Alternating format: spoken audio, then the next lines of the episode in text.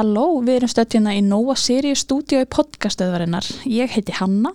Og ég heiti Arnar og þið er að hlusta á fjölbura fjör. Já, til okkar í stúdíu er komin hún Katrín Björk. Hún á Magnaðasögu og við ætlum að fá að heyra hana hérna núna. Algjörlega. Hún er fyrirverandi formaði tilveru, þannig að við kannski bara leiðum henn að kynna sig.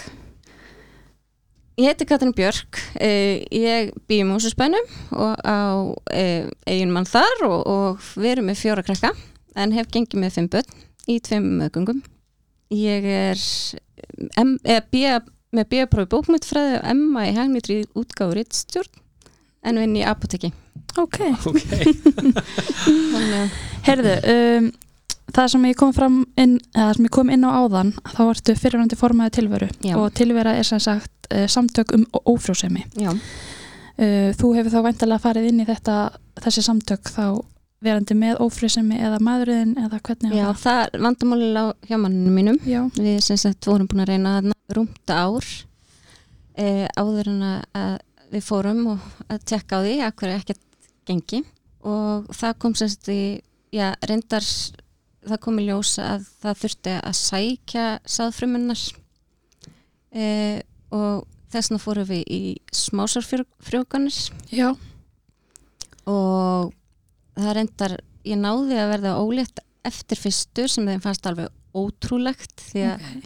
það var ekki mikið líf og þeir, þeir vissu ekkert hvort að sáfrumunar voru lífandi eða, eða döðar og, og þeir bara trúður þessu alla eh, en þegar ég er komin sagt, þegar ég er í fyrsta sónar þá bara leitt ágætla út. Svo þegar ég fór aftur þá hérna var í rauninni eins og hérna fóstri var eða ansvo lítið. Já, en svo fór ég ekkert aftur fyrir henni í tólvögnisónarinn þá kom bara í ljós að það var fín fylgja en fóstri hefði sennilega bara neð, dáið bara mjög fljótlega hann eftir já. Hefur bara ekki náð- hefur ekki náða að þroskast. nei, Þetta er þá svona duli fósturlát í rauninni. Já. já. þannig að við bara hérna, þurftum að halda áfram og það gekk ekki í annarskipti og ekki í þriðaskipti en í þriðaskipti þá var búið að tala um möguleikann og gefasæði og við sem sagt, og búið svona að ræða það að það geti gerst En hvaða tilfinningar vöknuðu upp við það?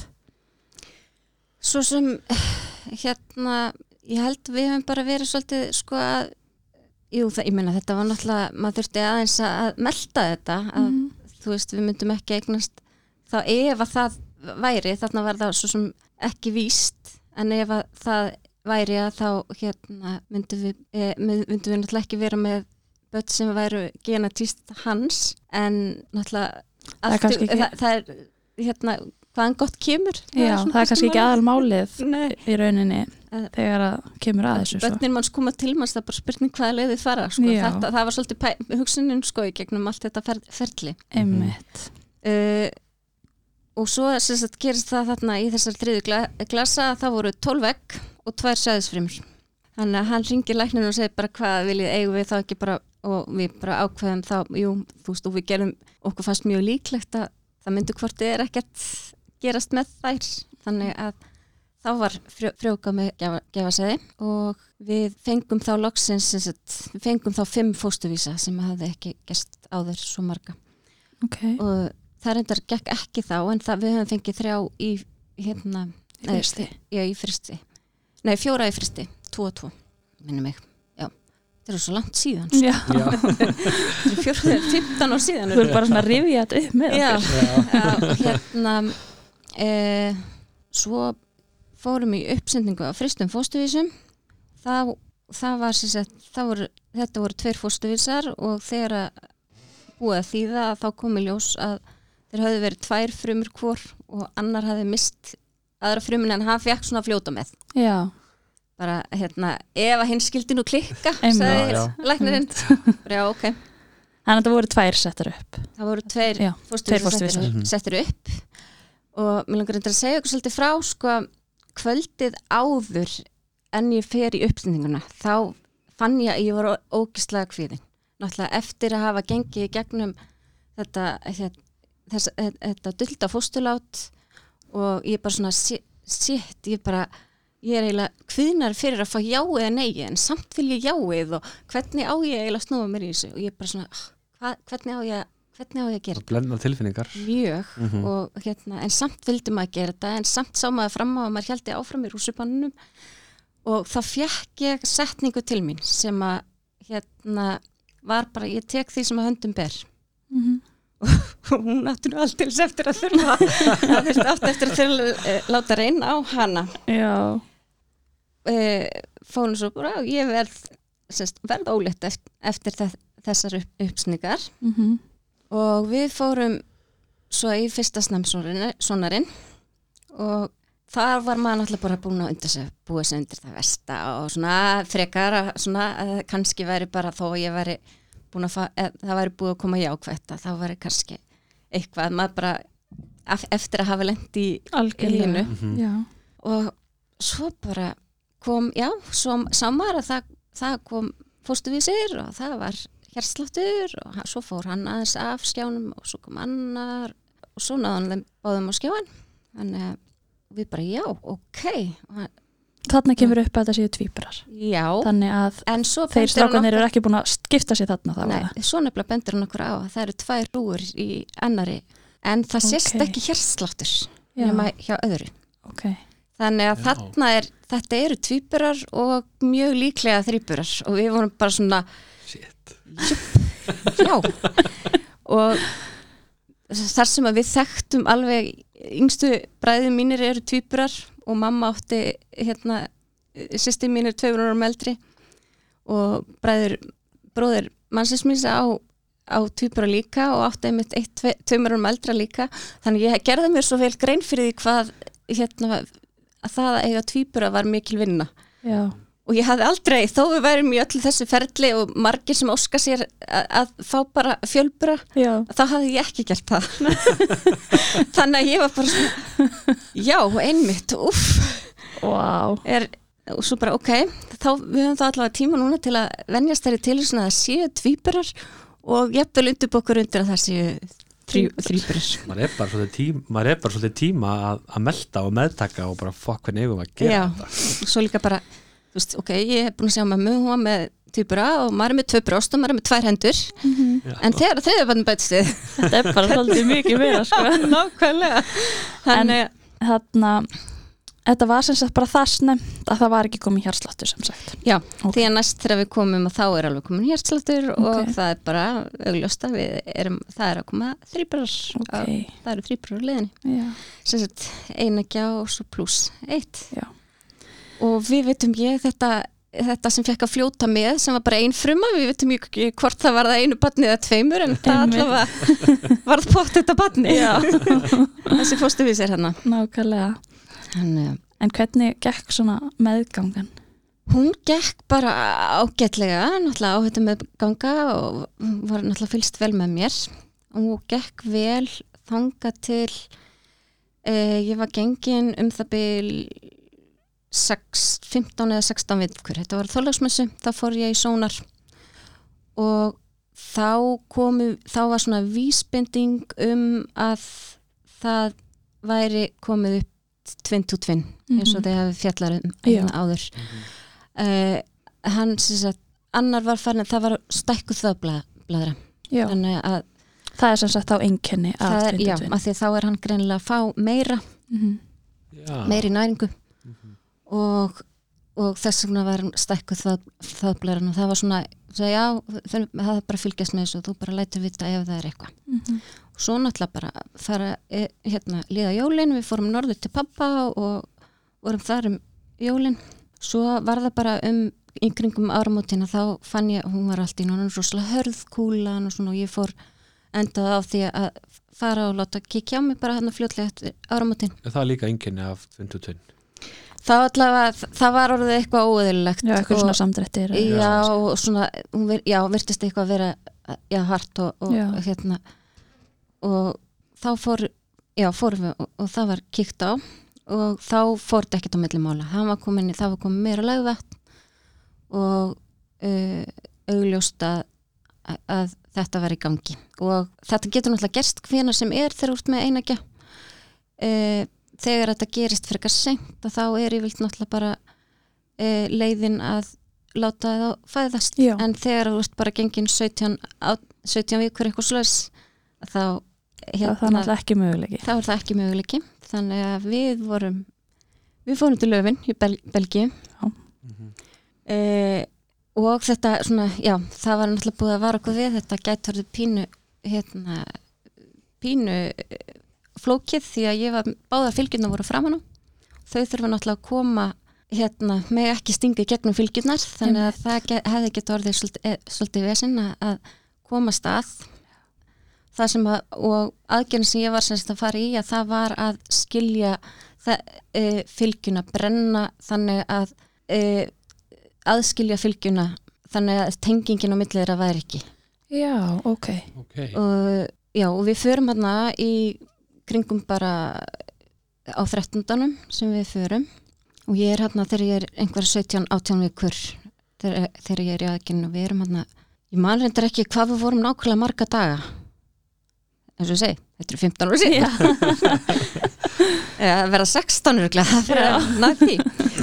Uh, en þetta er náttúrulega uh, ég, ég fer í aðgerðina maður, ég er vakandi en mænu deyfð uh, það er náttúrulega talir hann að flemsku já, en ég vissi eiginlega samt þegar að, og þau, já, það var annars sem þau voru búin að vara okkur við líka að ef að þau næðu ekki að brenna eins og þau ætluðu að gera þá er væri neyðar úrræðið að brenna fyrir naflastrengin að hjá þess öðrum til þess þó að annar fengi að lifa því að ef já. að þau myndi ekki ná að gera neitt þá myndi ég sennilega bara missa þau öll Ok. okay. eða svona það væri hættan allavega þeir alveg eiginlega pottið þá.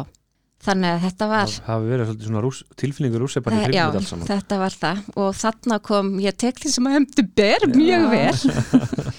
Að það var bara mantran mín þessa, þessa daga. Það var þetta mjög gaman að þú veist, í hérna, aðdraðandunum að aðgerðinni þá fór ég náttúrulega í marga sónara og ég hafði ekkert vilja vita kynin en ég sé sett eftir þessa sónara sem marga og langa sónara því þeir voru að skoða náttúrulega hvernig þeir ætti að koma inn og svona að hérna, þá var, var ég eiginlega alveg vissum að þessir einegi að væri strákar. Ég var bara búin að sjá það. Og hérna og svo já, en á meðan aðgerðinu stóð þá heyrði ég aldrei svona uppgjáðatón þannig að ég var svona nokkuð vissum að þetta hefði bara gengið vel. Þó að ég skilji, skilji ekki orði flæmsku. Og það kom á daginn og þeir segja að þetta hefði bara gengið vel og það hefði ekki þurft að hérna brenna fyrir eða nýtt svo les ok, þá voru teknið tvei lítrar af viðlega vatni það semst hjá P sem að var að fá allt og mikið. Mhm. það var A sem fekk á flítið Mhm. og svo var séð bara ein og sér og, já, og vissi ekkert af þessu. Nákvæmlega. Uh, og en spyrja það einu Já. hérna er, gerist þetta oft svona snemma?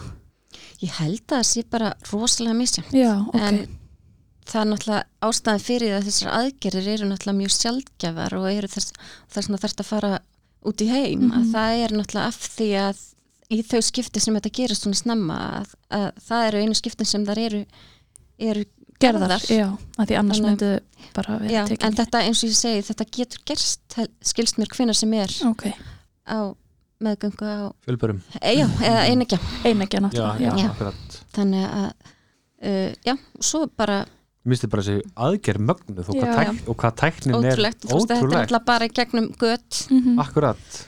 Að geta gert svona sko. Uh en, uh, ég bara vissi ekkert hvað þetta væri fyrir bara nýlega sko. -huh. og mér finnst þetta magnað. Já.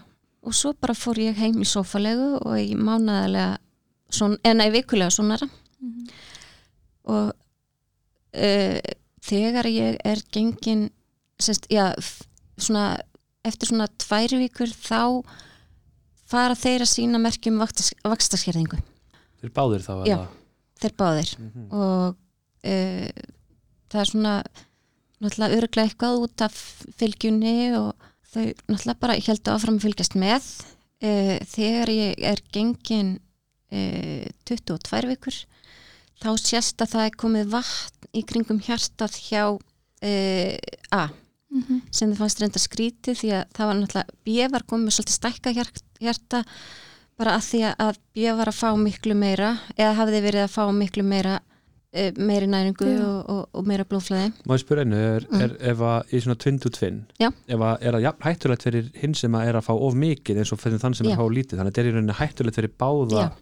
Sem sá sem er að fá lí, of lítið hann alltaf bara ekki að fá næja næringu. Já, en á hinn, hinn sem er að fá mikið þá er þetta bara allt og mikið álað á hjartað og, og já, já, já. ok, ég vissi það ekki. Nei, vissi ekki heldur.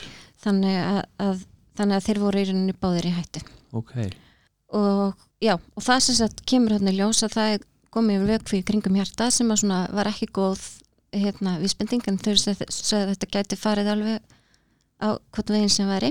Einmitt. Viku setna var bara allt við það sama. En svo þegar ég fer í 24 vikur þá er engin hjartsláttur hjá hon, honum sérst A. Samryggist takk fyrir já, það. samfrikist það hlýtur að hafa verið rosalega erfitt. Það var náttúrulega hérna svolítið mikið, ég tek því að sjóma höndum byr og ég var náttúrulega þannig í tvær vikur með þetta bakvið eirað mm -hmm.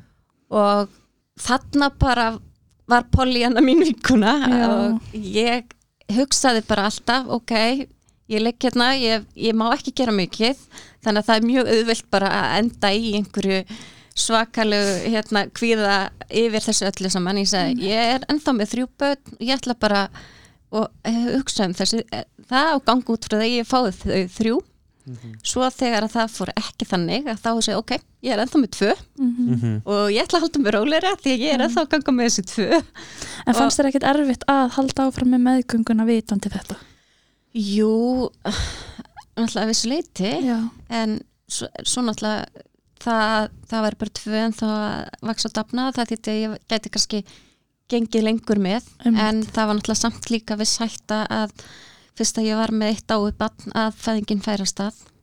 Já, það Já. er þannig þá. Já, ok. að það er hérna og þannig að hérna þannig að þetta hefði get, eh, var svona spurning. Þau sögðu strax sko eftir aðgerðina að því að það voru náttúrulega teknir það var tekið svo mikið að legvatni að það náttúrulega orsakaði samtrætti og þau sögðu strax sko það er rosa flott ef þú nærð 10 vikum til viðbútar, nærð 28 vikum og hér, ég ætlaði náttúrulega bara að ná meira en það. Það var bara planið. Að spyrja aftur aðeins með twin to twin árið fyrir frá því. Uh, Núna þegar annað barni lést Já. er þá hinn sem, er hann ennþá að taka mikið að jafnast það þá út eða er hann í minni sko hættu málið eða er að þeir sérst heldu alltaf þessara vexta það, það átti náttúrulega aðgerðan átti í raunin að hafa aðskiliða mm og það virtist svona hafa verið nema þeir byrjuði á þessari, með þessa vakstaskerðingu og þeir voru komnir í 15% vakstaskerðingu þegar hann deyr.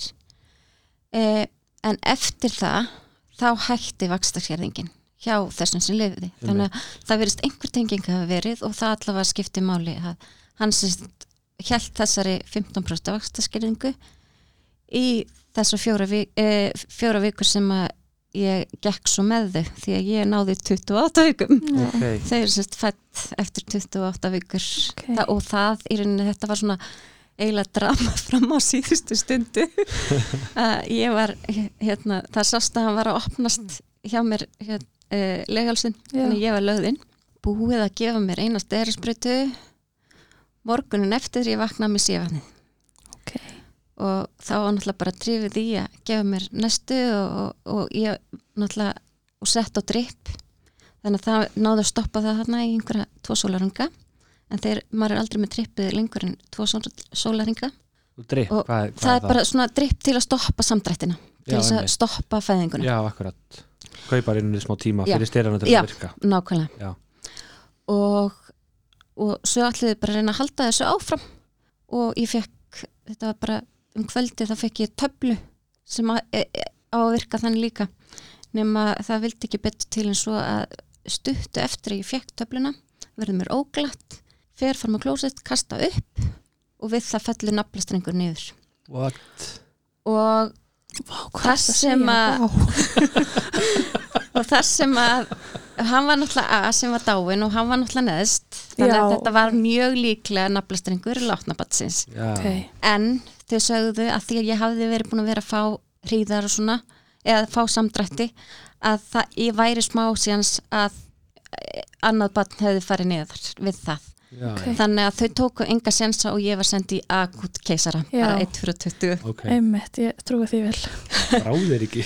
Þannig að e, ég var held ég bara alveg ótrúlega róleg. Ég allavega hitti í ungbarnaverndinni þarna eftir þá kom einhver nemi sem hafði verið viðstættu fæðinguna og hún einmitt líst því hvað hún hafði verið hissa hvað ég var róleg. Vá. það var nefnilega þetta hérna þú veist, maður tekur er hundur ber Einmitt, þú hefur bara haldið í þetta. þetta var bara það var bara málið, það, ég er bara svona ó, ok, þau eru að koma núna. Allt í leið, ok, þá bara eru þau að koma Vá, núna mér finnst þetta rosalegt. þannig að það var bara hérna, og ég er náttúrulega akut keisari, þá er ég svæf þó maðurinn minn fær ekki að vera hann var bara skilin eftir.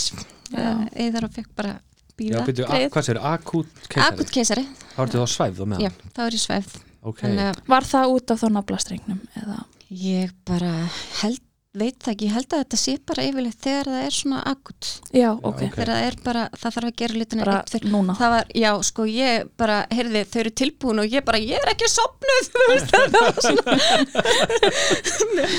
en hérna já, þetta þannig er að svo já, fyrir ekki, ég ætla bara að segja, þetta er bara í rauninni að því þeir hafa ekki tíma til þess að mænudefaði örglega, bara, það er örglega máli Já, það, það tekur fl- fljót, fljótara að- Já, þess næstu bara. Já. Ok, ég hugsa það Já, Já, akkurat. Vera nú vel að mér í því. En já, þannig að ég svo bara vakna ég og þá eru börnum mínu fætt og ég hef frétt að það hefur allt gengið vel og þau verður komin upp á vöku. Og e, ég man sko og ég bara ligg og ég bara svona ég er hann mamma. Veist þetta var náttúrulega miðjanótt þau voru þarna rétt uh, rétt fyrir eitt sem að þau eru fætt þannig að hérna og maður bara, við fórum bara að sofa og hérna, eða maður var að reyna að sofa og svona skilja bara, já, ég er honum mamma og svona eftir fimm ára ófrúsimis baróttu að, að, að þá var það mjög skrítin tilfinning Já, ég trúi því. En hvernig var svona tilfinningin að vera að ganga í gegnum sorg og vera líka að ganga í gegnum það að vera eignar spötn eftir fimm ára og ófrjósemi? sko, og fá, vera með tvö Já, en þau eru bara tvö já, sem er fast alltaf mjög skrítið að segja Mhm. Það er bara mjög skrítið. Já, get Og- trúa því. já.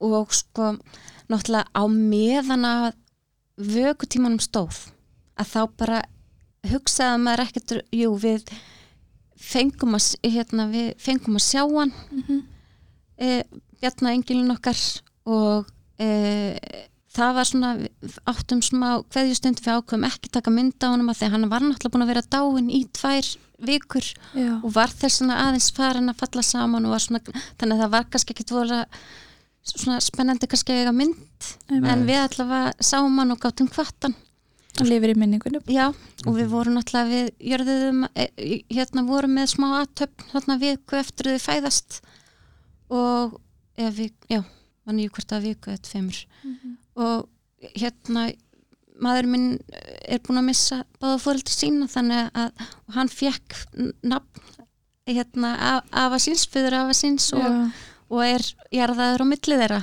Þannig að það er voða og hvað það er fallegt. Já, og við reyndar e, sáum svolítið eftir því að hann fekk sagt nafnu Bjarni og svo heita hinn líka í hérna höfuðið á for, foreldrum. Já, e, Baldvin Ásker bróðir hans heitir sem sagt eftir pappa mínum og, og, og stjúpa já, sem hefur verið í mínu lífi frá því ég var eins ás og Elisabeth Heiða heitir eftir mömmu og svo tengdamömmu sem var alltaf kvöldið heiða. Þannig en hins vegar þegar við vorum sáum krossin og sáum nafnið hann og það bara, ah, að því maðurinn minn heitir Eithor Már Bjarnason og Já. ég bara, ah, við höfum þetta að hafa Bjarni Már Eithorsson, það er svolítið flott. En hérna en allavega uh, já, þannig að við, það var svona það voru tímatinn sem við tókum það var þegar við hérna ég er settum og, og, og svona sáum hann.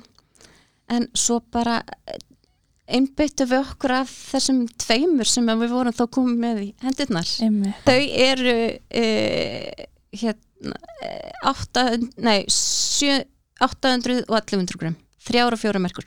Vá, þannig að þau eru passa bara svolítið lítið. lóan Já, það var brjálað að gera á aukutildinni þarna Mhm. því að við vorum fjórar fjölbramömmur sem að eignuðust börn þarna á, sem að voru gengin á bylunu 27 til 30 vikur á um, þetta voru ég, ég var svo síðasta og þetta var þetta var held ég þetta voru á tíu dögum Vá.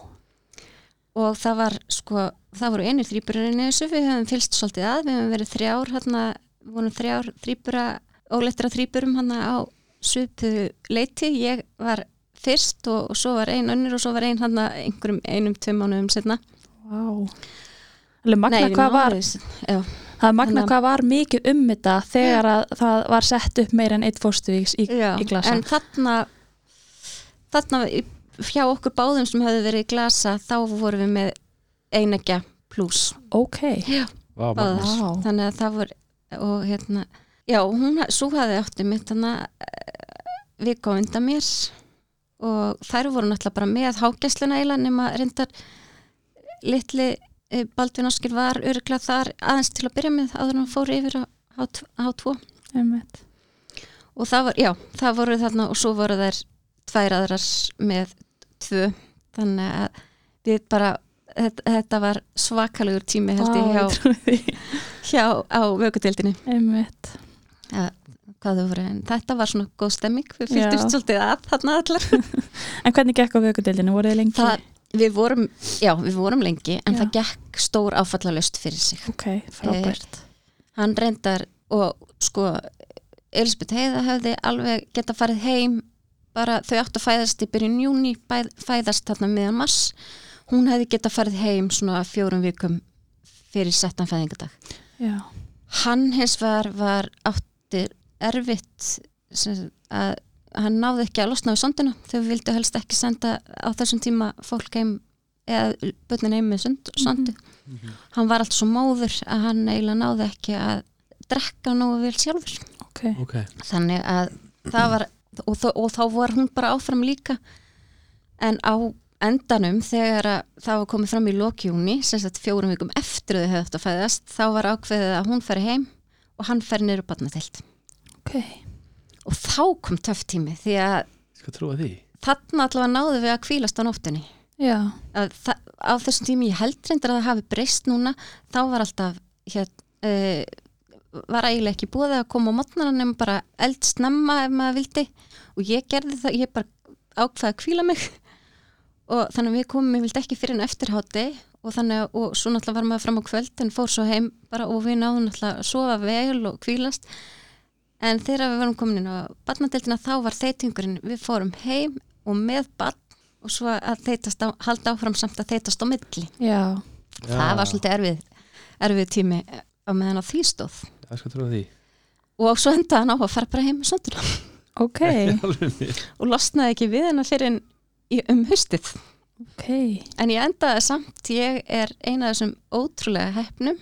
Ég mjölkaði vel allan tíman, ég var búin að fylla heila, uh, heila frist, uh, skuffu í fyrsti skapnum upp á vöku af mjölk þegar við fórum heim og bara, þú veist, með það, það sem maður sá, það eiginlega nánast allar gáfust upp á þessu á þessum, af því að það er bara það er erfitt að vera með börn og Já. hvað þá þurfa út með fjölbra Einmitt, þetta er bara auka álag.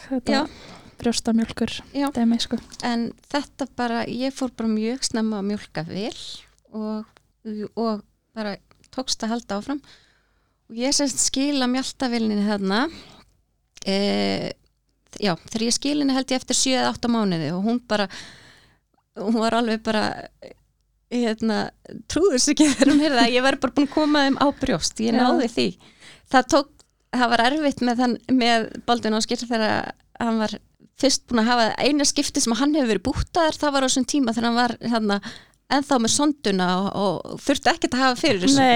Leið að hann þurfti að fara að hafa fyrir þessu sjálfur að það var hann alltaf. Og hefur verið bara hérna, tálkaði síðan. En uh, fyrst þegar ég var að koma honum á bara að drekka pela, það var bara byrjunin og það gekk best með því að hossa honum og gefa honum pelan í leiðinni þá tókst mér að koma okay. og hérna svo einhvern veginn, ég veit ekki alveg hvernig það hafðist en þetta tókst á endanum Já, að vá. þau fóru og voru bara hátt, þau voru að verða tveggjara þegar þau hættu á brjósti Vel Ok, gert. vel gert. Þannig að, já, ég, en þetta er bara, ég held að þetta sé líka bara ótrúlega hefni, hvað, Já. hvernig brjóstakjöfin gengur? Ég held að þetta sé bara, þetta er bara Já. En mér finnst þetta magnað. Tvö, tvö ár með tvíbura á brjósti.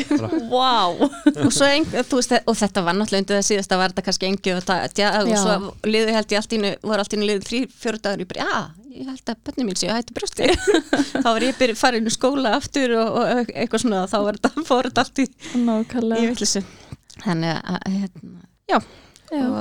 En þegar þið komið heim um, voruð þið búin að gera undibúa undir þrýburana eða? Nei í rauninni sko ekki. Við hefðum maður minn hafi farið út þannig þegar ég var ólétt og það var búið að kaupa kannski einhverja eitthvað eitt sett af svona þremur. Mhm. mm en annars eh, voru við hann, við erum náttúrulega það stutt gengin þegar þetta byrjar allt saman. Akkurat. Þannig að það var ekki ekki mikið. Ég, og jú, ég var búin að kaupa gatni í þrjú heimferðasett Já, en hérna var ekki búin að prjóna þau öll þannig að það var í rauninni já, það voru e- eina síman eftir voru þessi gallar sem hann hefði keft við, já, hvernig var það þá svona eins og koma heim með tvö börn Já. og, en þau eru þrýburar að fá spurninguna það kannski er þetta tvíburar? Hvernig brastu við því? ég e, yfirleitt sagði bara nei, þau eru í þrýburar Mm og sagði þá bara allir söguna þannig ég er hún mjög vön að segja Já. söguna. Uh, en Og þú varst alltaf upplöð í þessa sögu? Nei, ekkert endilega. Nei. svo var ég eitthvað búin að vera þú veist á einhverju TTTS hérna örgulega einhverjum spjalltræði erlendum sem ég var eitthvað skoð og þá var einmitt verið að ræða þú veist það sem að hafði mist og hvað var.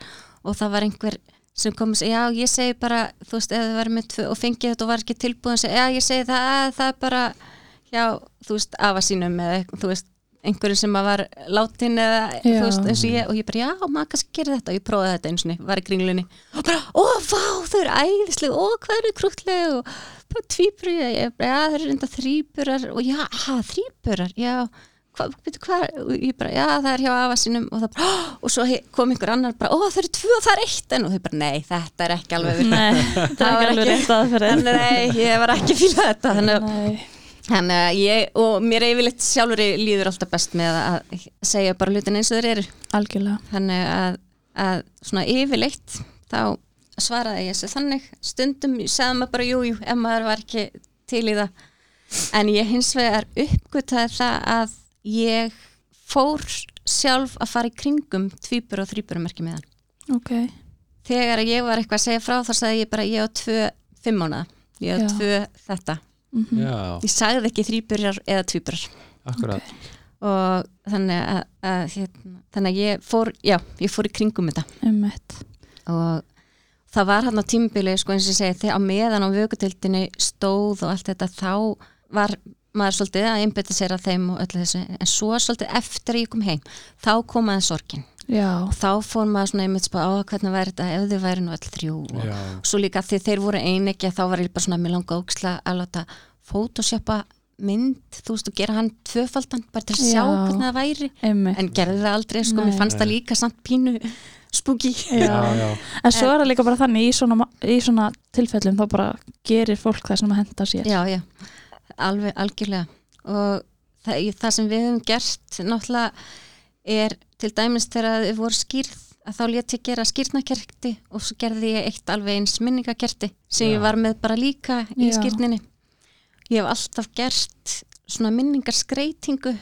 á jólunum fyrir hann semst bara með nafninu hans og, og, og hún er Mhm. bara sér og þú veist og ég valdi það, ég hef verið mjög svolítið raukt og gilt í jólaskreitingarnar en hans skreiting er blá og silfruð bara svona Einmitt. stendur aðeins út og, Já. og, hérna hefur, já, halda minningunni lifandi Já. Mhm, fallegt þannig að og þau hafa alltaf, það var, hefur alltaf verið talað um Bjarnar Englabróður og, og þau hafa alltaf vita að þau væru þrýpar og þau gerðu það lengi vel að þau leðritt fólk. Já, þegar að þau væru kallað þrýpar nei, við erum þrýparar en eins og ég segi sko og ástæðan kannski fyrir því að ég fór í kringum þetta er að það er mjög skrítið að kalla tvö börn þrýpara já. já, og þannig að, að já, þannig að En hvernig gekk svona með tvö börn bara fyrstu mánuðinir ef þú mannst eftir? Segja. Mér minnir að það hafi bara gengið alveg Já. ég man að mér hven alltaf svolítið fyrir því sko, hann var, minnir mig heima í örgulega einhverjar tvær, ég man ekki hvort það er tvær, þrjár eða fjórar vikur. Uh, maður minni þegar hann fór, fór aftur í vinnuna og svona hveð mannin svolítið fyrir það. Mhm. en þetta gekk bara allt ótrúlega vel. Nákvæmlega. Og var aldrei, aldrei neitt svona uh, eitthvað veikindi að því þið voru svo mikli fyrirburar eða hafið þið alveg sloppið? Hann fekk, það, fekk, það var smá asma svona dæmi en Mhm. annars í rauninni ekki. Við bara verðum mjög heppið með það? Já, það gekk alveg ótrúlega vel. Hann reyndar að enda svo á að fá sem sagt, hann reyndar hann alveg nýjóra þegar það gerst að hann fær einhverfu greiningu og ódæmerki þetta einhverfu og ADHD og einhverja fleiri svona. Þannig en var ekkert á eftir fannandi hérna tungum eða að byrja að tala eða nýtt svoleiðis. Nei, en maður sá samt svona aðeins mun á þeim. Já. akkurat Hvena fóru þið svo að huga af því að eignast annað barn? Eh, það var nú bara sko, maður minn var alveg sáttur við þessi tvö sem voru með Mm. ég held að ástæða fyrir því að mjög langaði hérna fleiri bönn var, var meðal annars það að var á leiðinu eignast þrjú Já. Og mér langaði rosalega mikið að prófa bara svona dramális að innbyrja með gungu eitthvað svona, svona einfalda þegar hitt var dramatík alveg eiginlega út í gegn þannig að, að hann svona félst að það, það var náttúrulega búið að skipta yfir í Já, við áttum, já, við reyndar áttum líka tvo fóstuvísa eftir í fristi þannig að það var svona eiginlega spurningum að nota þá Mm. en þeir voru settir upp og það gerist, gekk ekki og Þið voru sem svo báður settur upp? Já. Ok. Ég vona að ég sé ekki að ruggla þessu ég held að það sé alveg rétt muna hjá mér eh, en þá var bara spurning ég gæti þá náttúrulega bara farið í tæknisæðingu þar sem Mhm. að sæðinu er bara sprautað upp Mhm. fyrst að við vorum búin að skipta yfir í gjafasæði og við ákveðum að gera það það sem kom okkur mest á óvart með þetta var að við heldum að þetta er miklu auðveldra þegar við værum nú komið með, þess að tvö börn sko. Mm. en það er alveg merkilegt að eins og allir sem hafa gengið ykkur ofri sem ég vita, þetta er rosalega rúsubarnaferð Mhm.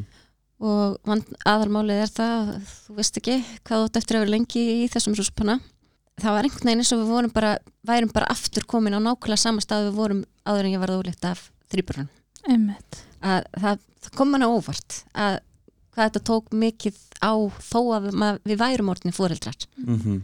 Og þú veist þá bara einhvern veginn myndi maður bara allt hitt sem við höfum gengið í gegnum Bara áföllin frá því í fyrra skiptinu, bara koma bara aftur. Þetta er náttúrulega Já. bara triggerar. Já, og það er náttúrulega eh, eins og varst búin að minnast á að það var ég í stjórn tilveru þarna mörg ár í, í gegnum eh, mikið af þessu og var alveg í og þar, og þar náttúrulega lærði ég líka hvað það var mikilvægt að vera innan um fólk sem að vissi hvað maður var að gangi í gegnum Mm Mhm. og Má ég spyrja það líka því, þarna nú er ófrjóðsum hefur búin að vera ótrúlega mikið tabu umræðefni mm, og það er búið að opnast ótrúlega mikið síðustu ár. Já. Og tilveru að þakka er ég Já. alveg, alveg vissum nákvæmlega. mikið. og leitaði þú þér eitthvað svona hjálp andlega eða eitthvað svoleiðis að því þú veist, mér finnst svona eins og fólk svona hafi bara alltaf lokað á þetta eitthvað Já. Uh, fó, við fórum í einhverja tíma til sálf, sálfræðings um, en ég rauninni þurfti ekki droslega mikið á því að halda samt Nei, sko. uh, það var kannski aðalega gegn, í, þú veist þegar það var verið að nálgast uppsendingar og eitthvað svoleiðis. En þetta, já, þetta er náttúrulega samt þetta er rosalega mér fannst sko jafningastöðningurinn og sérstaklega það bara að vera í stjórninu vera að hitta fólk sem að var, skildi mann. Það bara, það skiptir og- já, verið í sumu spórum og þetta var þó að þó- sko, s- núna er oft einmitt ófrið sem kallmanna oft mjög mikið tabú. Mhm. en ég var bara svo heppin að ég á, á mann sem að segir að það með, eða þú veist, það mátti alveg ræða þetta. Einmitt. þetta var ekkert leyndamál og við vorum alltaf með allt upp á borðum. Þannig það, að, er, það er mjög ádannavert sko, að ég held að fylgi skömm já, hjá kallmanni sem að getur ekki búið til börn eða veist. Já, nákvæmlega. Þannig að og það, það er ekki, ekki spurning sko. Mhm. þannig að það er bara, ég er rosa, ég er rosa heppin með Já, mannin minn Já, með, með það, af því að ég er líka svona, svo, eins og ég segi, ég vil bara segja hlutina eins og þau eru. Og ég er mjög heppin að þessu leiti Mhm. að, að við gátum bara haft allt upp, eða höfum bara allt upp á borðum. Og nákvæmlega. það var ekki verið að feila neitt. Þannig að, að bara vel gert. Mjög vel gert. Já, húnum sérstilega og hann sé ekki hann er ekki típan til að fara í viðtöl. Nei, akkurat. En hérna, húnum er alveg saman hvað ég, að, ég- að ég ræði hlutina. Einmitt. Já. þannig við sagt, fórum í tæknisæðingu sem að gekk ekki heldur. Og eins og ég segi, það fannst þetta við, við vorum svona bara þetta maður var bara komin á rússipannan nákvæmlega sama stað og maður hefði skilið við hann. Þannig að við ákveðum, ok, við tökum eina tæknisæðingu en og ef hún gengur ekki þá bara þá erum við bara ógislega rík með okkar tvö. Já. Mhm. uh, já, þannig að það var og þannig að tæknisæðingin þá fær maður svona smá örfun.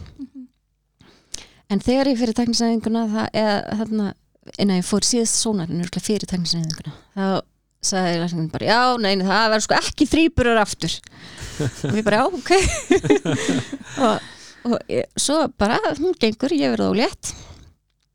Og fer í svo þegar ég í fyrsta sonar þá bara kemur í ljós að það eru tvö bönn á leiðinni. Og ég var mjög brött. Ég bara, já, ég hef verið búin að þessu áður. Ekkert mál.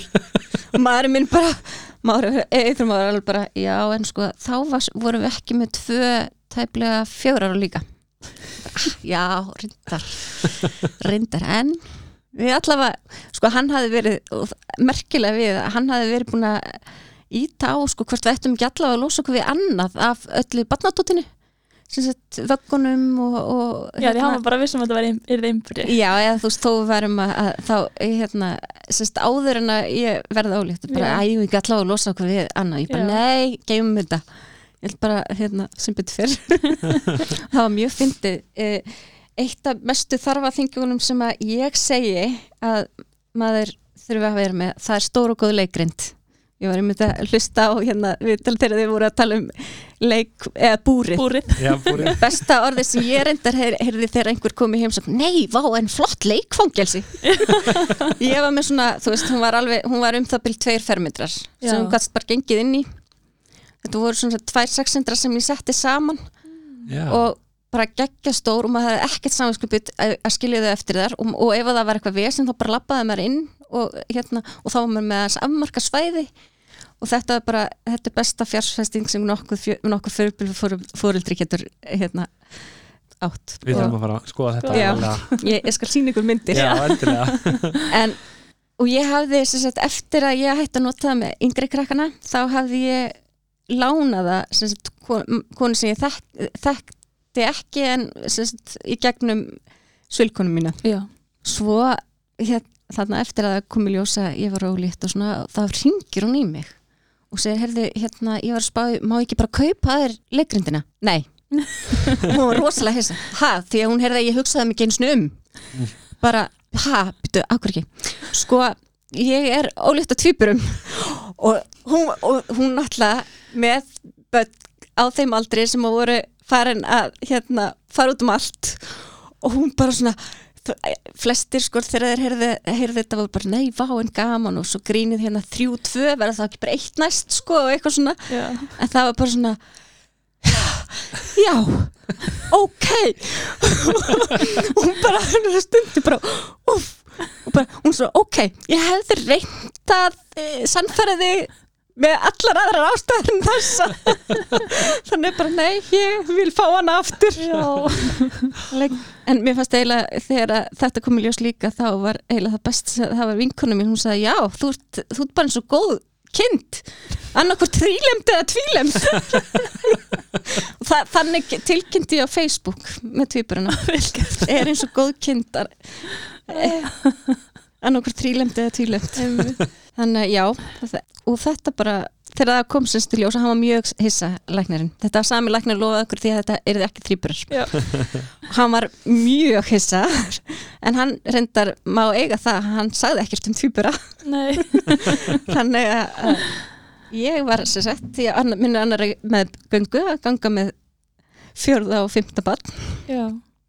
Og hérna ég hafði verið að láta mig dreyma um ein, e, e, dramalösa einbjörum með göngu e, fekk reyndar ekki einbjörum með gönguna en ég fekk dramalösa tvíbjörum með göngu Já, hann hún hefur gengið bara Hún vel. gekk bara mjög vel. E, það er náttúrulega svolítið skrítið eftir að þú ert búin að eignast svona mikla fyrirbura. Þó að í rauninni ástæðan fyrir fyrirbúrafæðingunni hafi ekki verið neitt hjá mér að þá er maður samt alltaf með þetta bakveðir þannig Já. að það var bara svona, já, búin að þessu búin að þessu og svona, Líka þegar þú komst kannski yfir þann tíma sem þú gegst með þrýburana Já, það var það kannski verið svona stór sigur líka það er mjög Já, að vera komið lengra en það. Einmitt. Og svo fannst mér bara mjög surrealist þegar ég allt í nú bara, já, ég þarf að fara að huga að ég koma mér að stað. Því Já. annars er ég að fara í gangsetningu. Mér fannst það bara mjög skrítin til hugsun Hvað varstu komið langt þá? það var bara hana 37, 37, 8 vikur, já, eitthvað sless ég fer í gangsetningu og enda, eða, já, fer í, eða, átt að fara hann í gangsetningu þegar ég er komin rétt rúmar 38 Mhm. en þá hafði æð e, við fengum að vita kynin afar strá, er strákur og bíða stelpa. Og hann hafði verið búin að skorða sér skorða sig, svo þegar ég mæti gangsetninguna þá var hann komin upp aftur. Ok, þannig að það var hægt við allt og þetta var held ég á mánudegi eða þriðudegi já, og ákveði ég kæm á fimmtudegi og bóka til öryggis keisara ok. Já, já. En þú hefði samt alveg mátt fæða þau. Já, ég, það, mátti það. Og það var ákveðið að prófa það þó að maðurinn minn var eiginlega fulli heldur en ég. Mér er nefnilega leið ótrúlega vel. Ég sv- svaf ennþá, ég er enda svaf hálf, hálf hérna eh, sitjandi Já, en ég svaf vel og mér leið mjög vel þarna á þessum tíma. Reyndar með svo sem tvö eh, að verða e, þryggjára já, og hafa stundum bastla komaði með leikskóla og eitthvað svo leis en, en samt leði mig bara mjög vel þennan tíma þannig að frábært. ég var heimavinnandi og þannig að það var ég gætt kvílt mjög vel og, og allt þetta. Þannig að, þannig að mér lág eiginlega ekkert á Nei. líka bara, þú veist mér mér fannst bara svo mikill luxus að, að vera gengir nú langt. Þetta er nefnilega, þetta er svona eins og hérna já, þegar ég hitti einhvern fæðingalækni á þessari meðgöngu og, og, og var að spyrja hvernig þetta gengi og ég bara, þetta gengur, þetta er bara frábært og eitthvað svona, og þá kom bara að segja hún, já, það er náttúrulega spurning við hvað fólk er að meira já. Ég náttúrulega er, vanarlega er, er týpuramömmur ekki búin að hérna, annarkvöld bara búin að ganga með eitt barn eða, Já, eða, eða ekkert og hafa ekki en ég er náttúrulega búin með drama Já. þrýburamöðgöngu og þá gekk þetta alveg æðislega. Þannig að, þannig að ég fer hérna aftur á fimmtegin þá er hann búin að skorða sig aftur. Þannig að það var ákveðið að setja í gang bara gangsendingu þetta tók samt allan daginn og framöðum minnati þannig að þau eru öll bönnum mín fætt á fyrsta klukktíma amalistagsins og endar svo sem þetta var engin brjáluð æðislega fæðing, það endar í einhverju sóklukku og einhverju svoleiðis, en já, þannig að þú endar á því að fæða Ég þau gegnum Fæðingavik mm -hmm. Keisar er náttúrulega fæðing líka. Já, Það Já. var þannig að e, og finnst bara þó að þetta hefði ekkert verið neinn svona stjórnuð fæðinga þá var ég vakandi Já. og ég sá bönni mín strax Já. og ég fekk að halda Já, strax þannig að, já, þannig að það var náttúrulega bara þvílíku luxus hinn sem að maður, jú, ég fengum í fangi þegar þau voru tvekja Já. og maður, manni var rúlað upp og, og sá bara fyrst náttúrulega allt öðruvísi. Allt Þetta annað, þetta er bara svart og hvít ég var einmitt að hérna, um að þegar maður fyrir aftur á vökudildina að ég mann hvað maður var komið skert sko stærðaskinn það, þegar það komu sko fullbörðabötn inn Ma, maður hafði tilfinninguna að þetta væri tröllabötn það væri sko það hefði einhvern tröllskessa verið eignast bötna því maður var bara innan um þessi pínu pínu litli kríli Já. og maður bara komið með svona hérna, já, skert og svo einmitt þurfti en þurfti guttin okkar aðeins að fara upp á vökudild í smá stund.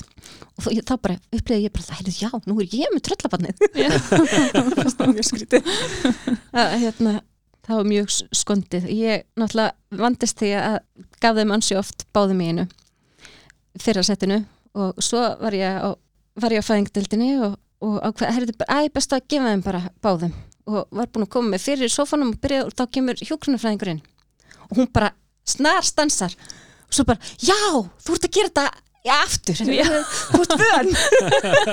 Nátt ekki vön því að hafa yfirleitt eru- tvíbramömmur ekki vanar Nei. tvíbramömmur bara, fyrst hún var bara rosalega bara mjög fyrðilega svip, bara byrja hvað er í gangi? En svo bara, já, alveg rétt, þú ert vön. Það var, það var svolítið skondið Vá, atrið en já, þó að hann hafi þurft aðeins minnir það, ég man ekki eins og á hann- hvort hann fekk einhverja smá sýkingu. Já, ég var inni einhverja fimm daga og hann kom bara með okkur heim og það, það var ekkert, þetta var bara rétt til að við fengjum að segja hæ við allt yndislega aukundildar Já. fólkið sem að ég er ennþá að senda jólakort.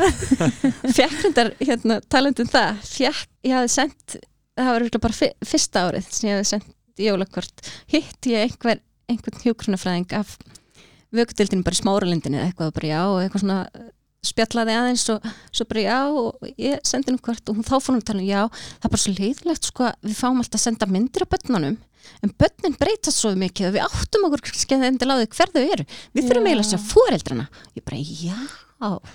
Eftir það hef ég alltaf búið til kort með fjölskyldumynd frá Já, og það er bara, og mér er að segja gert hérna frá því að þau voru eldri voru tveggjara eða eitthvað slist þannig að við eigum og ég með annál og allt þannig að, að það maður sér bara hérna fjölskylduna að stækka Nákvæmlega og hérna og ég hef ekki hugsað út í það nei, Nei. mér dætti ekki heldur í að, hérna hún benti á þetta, Nákvæmlega við, við höfum komið inn á áðurinn sko, en, en starfsfólkið hana er Yndislegt. upp á bara 120 sko. Mhm. æðislegt fólk sem vinnur og því líkir Algjör. fagmenn algjörlega það held ég að geta bara allir sagt Já, allir sem hafa, hafa eitthvað reynsla á því sko. Já, nákvæmlega.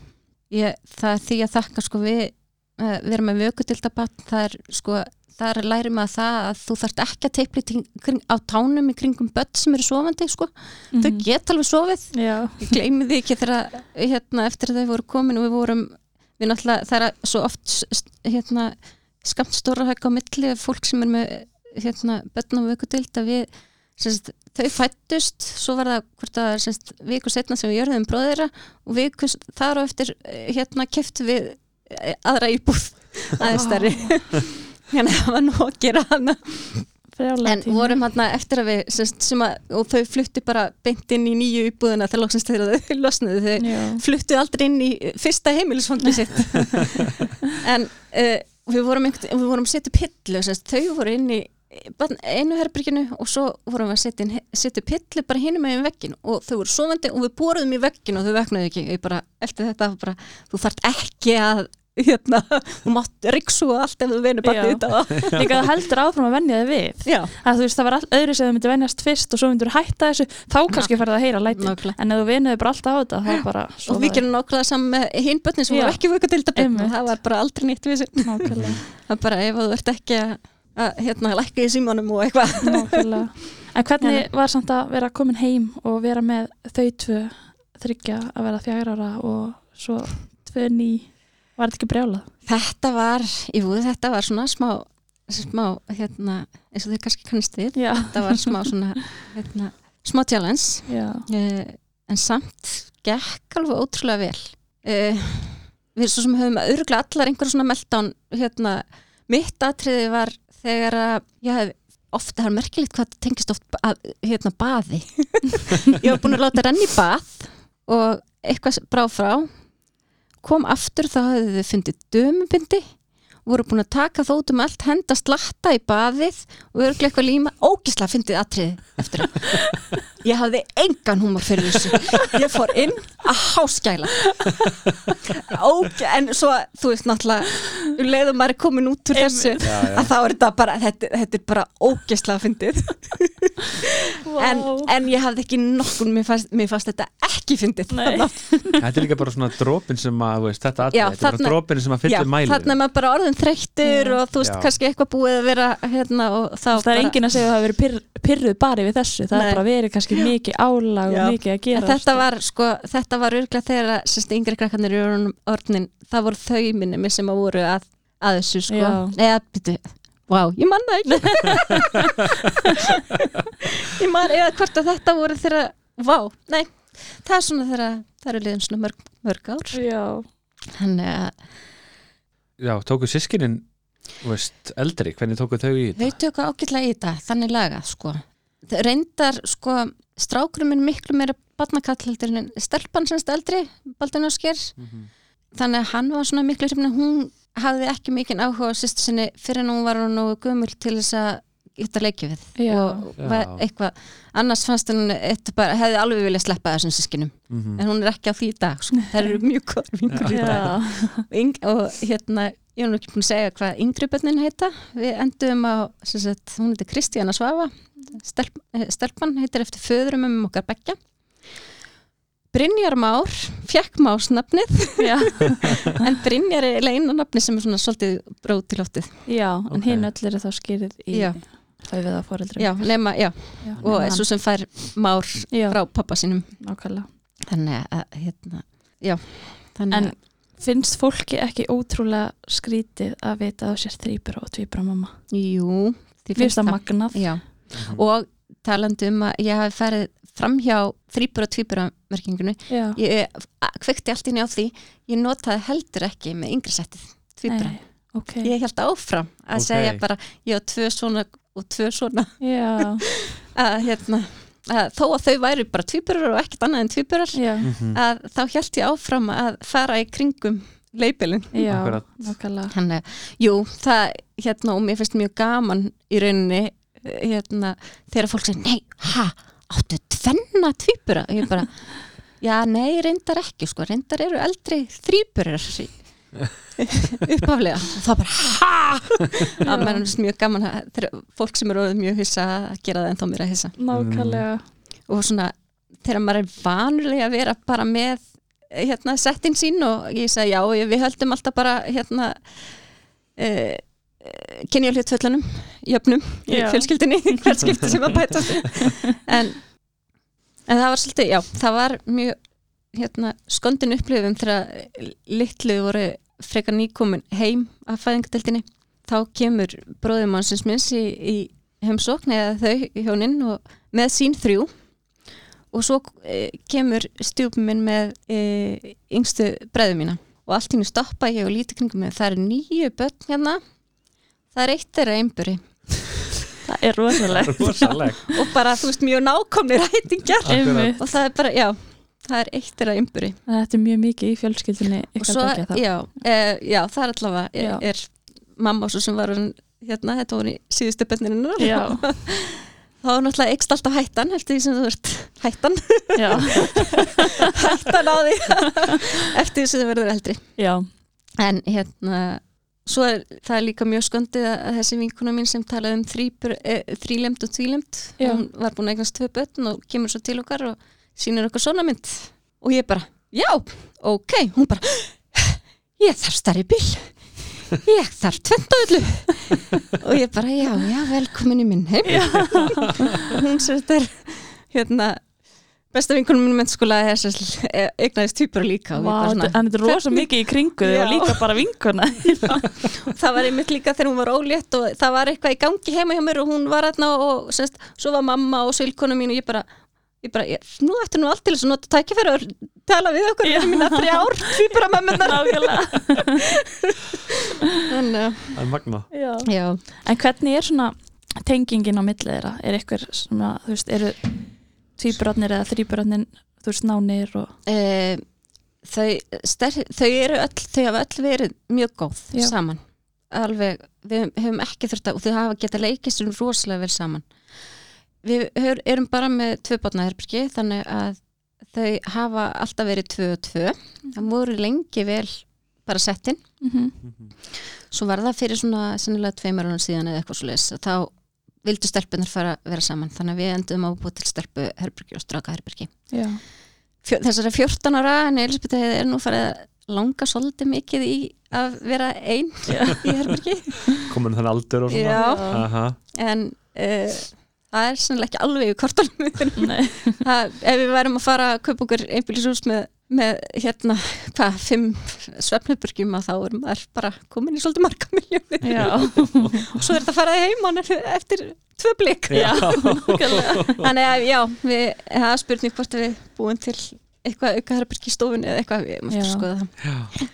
En já, Svona er bara líf fjölbur og fjóluldra held ég. Já, nákvæmlega og það hefur ekki farið það- hérna áður fyrir þá voru sískinni saman í Nákvæmlega. lengi lengi og Nákvæmlega. fór ekki ítla með neitt sko Einmitt. Þannig að ég allavega, þegar maður var að hafa eitthvað samskapið yfir það, hugsaði maður það bara Já. en þau yngri, yngra setti þau eru, Brynjumar og Kristina sem eru mjög, þau eru með mikið á sömu vinnum Mhm.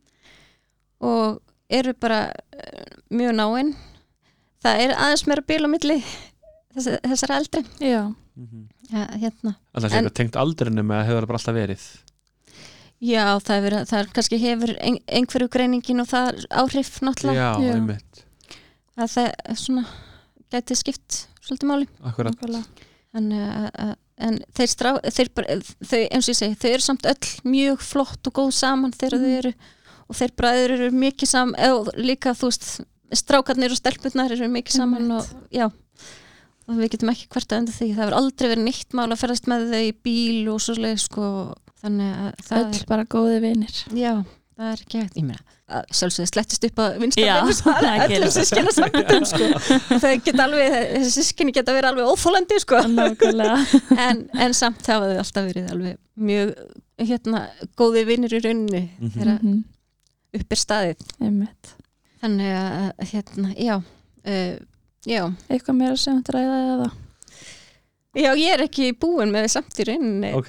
mesta challenge okkar nú, 2013 greinist ég með brjóstakrabba minn ok, Ok, uh, þá eru þau sem sagt tveggja og sexuál almatur wow ég er ekki búin enn. Ég fæ gæsa hóð sko, ég bara uh, já, þannig og ég sérst fer í gegnum það allt saman sérst uh, fer í gegnum lífjameðferðina og í, með öll þessu svona ung börn? með svona, mörg svona wow. börn. Svo eh, fer ég það byrjaði því að prófa að hérna að ég færi bara í svona fleikskurð það þurfti ekki alveg brjóstnam ætla allavega að sjá hvort að það myndi duga. Ég fer í hann hérna byrjun ágúst. Og flikskurðu, hvað, hvað er það aðeins? þá er bara tekin í rauninni þá tekið bara partur af brjóstinu í rauninni bara sem sagt, í, hérna, það sem meinið er Já. og í kringum það Mhm. þegar þessi greini kemur þá er hérna, ég tek því sem að höndum ber og pollíuna mín bara það er bara það sem að og öll þessi reynsla, ófrössumis reynsla og þetta ég fann, finn bara hvað það nýtist mér já, að, hérna, og ég tók strax þannig í pól í hæðina bara þetta er hraðahindrun á lífsleginni sem að ég ætla bara ég þarf bara að ganga í gegnum og svo heldur lífið áfram. Hvað fannst þú allt þetta æðruleysi? já. Eh, Vá. Vá, þessari stund þegar að ég hérna satt í baðinu og, og saði, hugsaði hvernig á ég að fara þessu? Já. og fekk þessa setningu held ég. Akkurat. Þannig að hérna, já, þannig að og það var alveg merkilegt þegar ég var að syngja í fólk og láta vita af þessi greiningu og það náttúrulega fáið allir sjokk og svo bara kælti ég áfram að tala og símtunni eldu alltaf bara já, já, þetta verður ekkert mál. Þannig að hérna, já, svo fer ég sérst í flekskurðinn og það er hérna, ég er frekar nýkomin heim. Eftir það eh, yngri krakkarnir hefur gist hjá mömmu. Eldri hefur gist hjá vinu sinum voru reynda nýkomin heim og maður minn var náttúrulega búin að vera svona þreyttur þú veist, ég hafði nýkominur aðgerð og hann ákvaða að fara í mótrjólutur og sem endaði því að það bankaði upp hjá mér samsunglegur maður hann hefði lent í slisi Vá. kert aftur á bíl og sá dagur þetta var sérst dagurinn fyrir, þetta var ámælstafi bróður hans dagurinn fyrir skólasendingu fyrsta skóladegi eldri krakkana. Við náttúrulega brunum hérna ég og, og fóreldra mínir og, og, og bræður hans og mókuna og hann fyrir strax í aðgerð þarna um kvöldið. Slasa Mm. þess að mjög mikið. Hann slasaðist mikið, já. Og hún, aðgerðinni er til fjögur eða fimm í morgunin. Þá fáum við að sjá hann. Svo fyrir við heim. Svo bara klukka, það er maður mættur í skólasendingu klukka nýju morgunin. Uss. og hérna og hann var sér sagt á gjörgæslu í átján daga eftir þetta. Eh, ég fæ að vita á meðan svo er að ég þurfa að fara í brjóstna og ég bara svona sagði við lækna já, að hann vissi hvað það er gerst og ég bara, ég er ekki alveg til í að gera þetta á meðan að ég er með mann á gjörgæslu hjá mér. Mhm. þannig að, og hann var alveg sammála því. Að vanilega hefði ég bara farið eiginlega strax en hérna það var ákveðið aðeins að kema það. Þegar svona stendur á þá er upplifum maður hvað það er ótrúlegt að hafa gott bakland. Við bara, já, við bara þarna sáum við hvað við eigum rosalega mikið rosalega góðu fólki í kringum okkur. Mhm. sem bara stutti þú veist, ég er náttúrulega nýkomin að aðgerð mátt og keira og já, það bara, þau stutti okkur alveg já, allir, bara allir í kringum okkur. Bara og bara, þú veist, og þarna upplifum að það að þó að Mósusbær sé hérna innan höfuborgarsæðisins að þá er hann svolítið smábær já, Mhm. taktum maður er búin að vinna dekkjaverstaðar lengi það takta hann mjög margir og, og hérna þannig að maður, maður upplýði ofslega mikinn samhauð og bara þegar ég hugsa til 2013 þá núna þá hugsa ég alltaf með sko hlýju hjarta af já. því að bara maður upplýði svo svakalega hérna mikinn samhauð frá fólki þannig að það var alveg ótrúlegt Mhm. ég segi það ekki að bara að vera svo ofsalega heppin að vera gefin svona hugafar og það náttúrulega bara hjálpar hérna, hjálpar manni rosalega mikið já, og ofsalega þakklátt fyrir það líka. Mhm. að hafa, það hafi fleitt manni gegnum þetta allt saman. En hann sem sagt uh, ég var um þetta að sjá, það var minning á Facebook núna, það er sem sagt átta ár frá því að hann þá sem sagt hann lendir í slísinu 11. ágúst og það var sem sagt á, held ég hvort það var á þessum degi sem hann kom og gisti fyrst heima eftir slísin hann var sem sagt átjönda á gjörgæslu. Það kom strax ljós að hann hreyfði alla útglími og allt svoleiðis. Eh, það náttúrulega brotnuði rifbröðin og viðbein og, og brotnaði hendi. Hann fekk hérna þurfti að fá drén í lunga og, og svo var uh, miltað frekar en brísið hann allavega, hann átti ofslega erfitt með að halda niðri hann var náttúrulega allur og svo, hann brotnaði rosalega illa í framann ok. Og var allir výraður og þannig að krakkarnir sá hann ekkit e, fyrir en svolítið lengur setna sko að ég vildi ekki fara með þau meðan hann væri hérna, allur gæti ekki talað. Klart. þannig að þetta, já, þetta var og þarna sko að koma á gjörgæslina að þá sá maður hérna, sá maður svona, fór maður smá vökutildar flashback, af því Já. að þetta er náttúrulega vökutildin er er mjög svo Mhm. og hérna þannig að já, og svo fór hann bara inn á aðra stildir og endaði svo að vara á Grænsons sleppur ótrúlega vel í rauninni hann er endar örk í dag aðalega vegna þess að hann hefur bara ekki orku fyrir heilan vinnudag, hann þarf Já. að geta lagt sig en er gangandi talandi, er hendar misti sjón á öðru auga það var bara, það er allt í lagi með auga sjálft en sjóntaugin virðist hafa eitthvað skemst Ok. og er svo sem hérna, já, og bara slapp ótrúlega vel út frá þessu þannig að, en þetta þýðir það að ég er með heimanvendu hús fyrir sem stendur bara mjög vel í því Já. og það er svona léttir svolítið álægi á, Mhm. á, á manni þið eru Þannig- mögnuð, ég á ekki til orð. Þannig að já, Að halda, þetta að er- halda geðhilsu í gegnum þetta allt saman. Já, ég bara, þegar ég einmitt sett inn á Facebook hérna, var að segja frá þessu hérna, slisi honum þá segi ég bara, þú veist, ég bara, ég hef tilfinningunni að sé einhver hérna bara, sem er að semja líf mitt og sé bara svona sápu óperu veist, það er bara svona, hvað getur við látið koma fyrir því næst? Og svona, já og manni fannst alltaf jafn, sko, alltaf ótrúlegt, sko að segjast hafa gengið með fimm börn í, í tveimur meðgöngum, fannst það svona líginni líkast og svo þegar allt þetta fór að bætast á. Að maður, hérna, já maður, Mér finnst þetta bara, mér finnst þetta ótrúlegt Já. og bara svakalegt sem við erum búin að gangi í gegnum og standi svona sterk. það allavega, já, hefur gengið alveg og eins og sé, það var hérna ég tek því sem að hundum ber Já. og Pollyanna sem að hjálpaði þarna ofsalega, ofsalega mikið það, það var eh, muna bara að eftir að að sjá glasið hálf, fullt en ekki hálf tómt en svo veit ég, ég hef samt ég, ég, þessi hugsanáttur er hann svo tamur að ég þarf að passa mig þegar að ég hitti fólk og það er eitthvað, eitthvað erfitt eða eitthvað svoleiðis. Að því að það er, þú ert ekkert alltaf tilbúin til þess að heyra jákvæð eða þú veist einhverja jákvæðapunkta ef þú ert bara, ef þér líður illa og þú veist, þá er maður bara ekkert alltaf tilbúin til þess, þannig að Nei. stundum þarf ég bara, nei, þú ert ekki að fara að benda af því að það bara er ósaljátt, byrja ég að hugsa mm hvað er hægt að sjá jákvætt við þe- þennan punkt, sko og eins og ég sagði alltaf þegar við vorum í þessu þegar ég var að gangi gegnum krafmismöðfyrirna að þa það er í rauninni sko aðstæðina þín eru alltaf þessum ef þú ert hérna sama hvað þú ert að takast á við.